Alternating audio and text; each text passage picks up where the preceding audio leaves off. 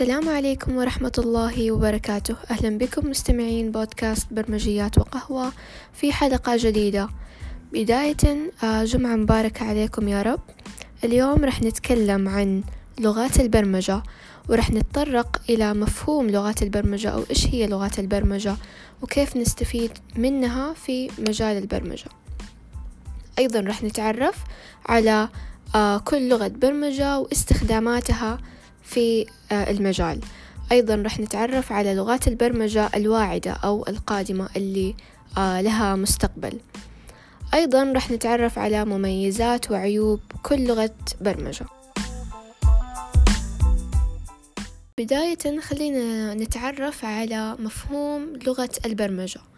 فلغة البرمجة هي مجموعة من الأوامر تمر هذه الأوامر بعدة مراحل إلى أن تنفذ على جهاز الحاسوب. فتقسم لغات البرمجة عندنا إلى آه، قسمين اللي هي لغات عالية المستوى ولغات منخفضة المستوى. آه، بس الأغلب المبرمجين اللي بيستخدموها اللي هي لغات آه، عالية المستوى.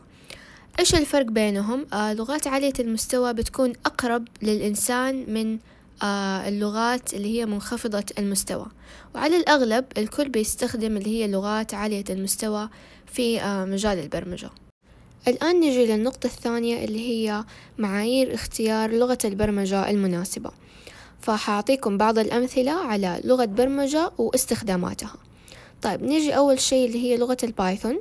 بتستخدم في تطوير تطبيقات الويب والذكاء الاصطناعي وتطوير الألعاب وغيرها الكثير. آه السبب يعود بسبب سهولة تعلمها مقارنة بلغات البرمجة الأخرى لو لاحظنا أغلب المبتدئين اللي يبدأوا في مجال البرمجة آه، بدأوا في تعلم آه، لغة ال Python بسبب سهولة تعلمها مقارنة بلغات البرمجة الأخرى. أيضا عندنا اللي هي لغة JavaScript بتستخدم في تطوير الويب آه، تطوير تطبيقات الويب وتطبيقات الهواتف الذكية.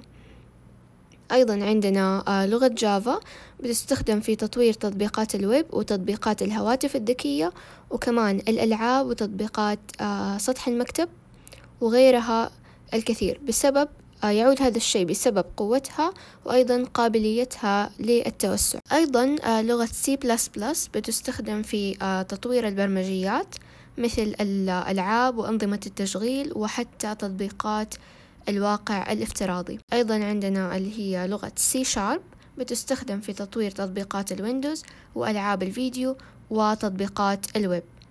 ولغة Swift بتستخدم في تطوير تطبيقات ال iOS والتي آه لغة Swift بتعتبر لغة برمجة متقدمة وأيضا قوية. فهذه أبرز آه لغات البرمجة. أيضا لا تنسوا كتيب آه بداية تعلم آه البرمجة راح يكون نازل بعد كم يوم فلا تنسوا أو تأكدوا أنكم تكونوا موجودين آه على الإنستغرام عشان تكونوا أول الناس اللي راح ياخدوا الكتيب. مع العلم أن الكتيب راح يكون مجاني بإذن الله. طيب الآن نجي لنقطة كيف أختار لغة البرمجة المناسبة بناء على العمل اللي أنا قاعدة أشتغل عليه أو آه الشغل أو حتى المشروع. فهذا الشيء يجي على حسب زي ما ذكرنا آه في بداية الحلقة بناء على آه لغة البرمجة واستخداماتها. فمثلا زي ما قلنا آه إذا إحنا شغلنا يتعلق بالذكاء الاصطناعي فممكن نستخدم آه لغة Python لو إحنا مثلا تطوير الويب نستخدم لغات معينة. فعلى حسب المشروع أو العمل يجي عليه اللي هو لغة اختيار لغة البرمجة المناسبة. طيب في سؤال دايما بيتكرر اللي هو لغات البرمجة الواعدة والقادمة وإيش لغات البرمجة اللي لها مستقبل. طيب أول شيء لازم إحنا نكون متابعين خاصة في مجال البرمجة لازم نكون آه، متابعين المجال أول بأول لأنه مجال البرمجة مجال متجدد آه، بتطلع أشياء جديدة بتختفي أشياء جديدة آه، سواء مجال البرمجة أو يعني التكنولوجيا بصفة عامة. فلغات البرمجة اللي لها مستقبل حاليا اللي هي عندنا زي Python Java JavaScript يختلف على حسب التخصص أو المشروع زي ما قلنا. آه أيوه قلنا Python وكمان PHP C Sharp هذه كلها كل اللغات اللي ذكرناها. وفي برضو بعضها آه من اللغات هذه كلها يعني نقدر يعتمد برضو على زي ما قلنا اللي هو المشروع وضرورة متابعة المجال أول بأول. طيب أديكم معلومة على السريع. يبلغ عدد لغات البرمجة حاليا ما يقارب من 600 لغة برمجة متفاوتة المستوى والصعوبة. طيب الآن خلينا نشوف مميزات وعيوب أو سلبيات كل لغة برمجة. فراح أذكر لكم بعض آه، لغات البرمجة. مثلا عندنا JavaScript من آه، مميزاتها أنها سهلة التعلم والتنفيذ تستخدم في كل مكان على الويب. يمكن تشغيلها على الفور داخل المتصفح ورؤية النتيجة على الواجهة الأمامية للمستخدم. وأيضا آه، من مميزاتها تقل تقلل الطلب على خادم الموقع. أما من سلبيات لغة البرمجة JavaScript أنه يمكن أحيانا تفسيرها بشكل مختلف من قبل المتصفحات المختلفة عفوا المتصفحات المختلفة مما يجعل من الصعب كتابة التعليمات البرمجية عبر المتصفحات.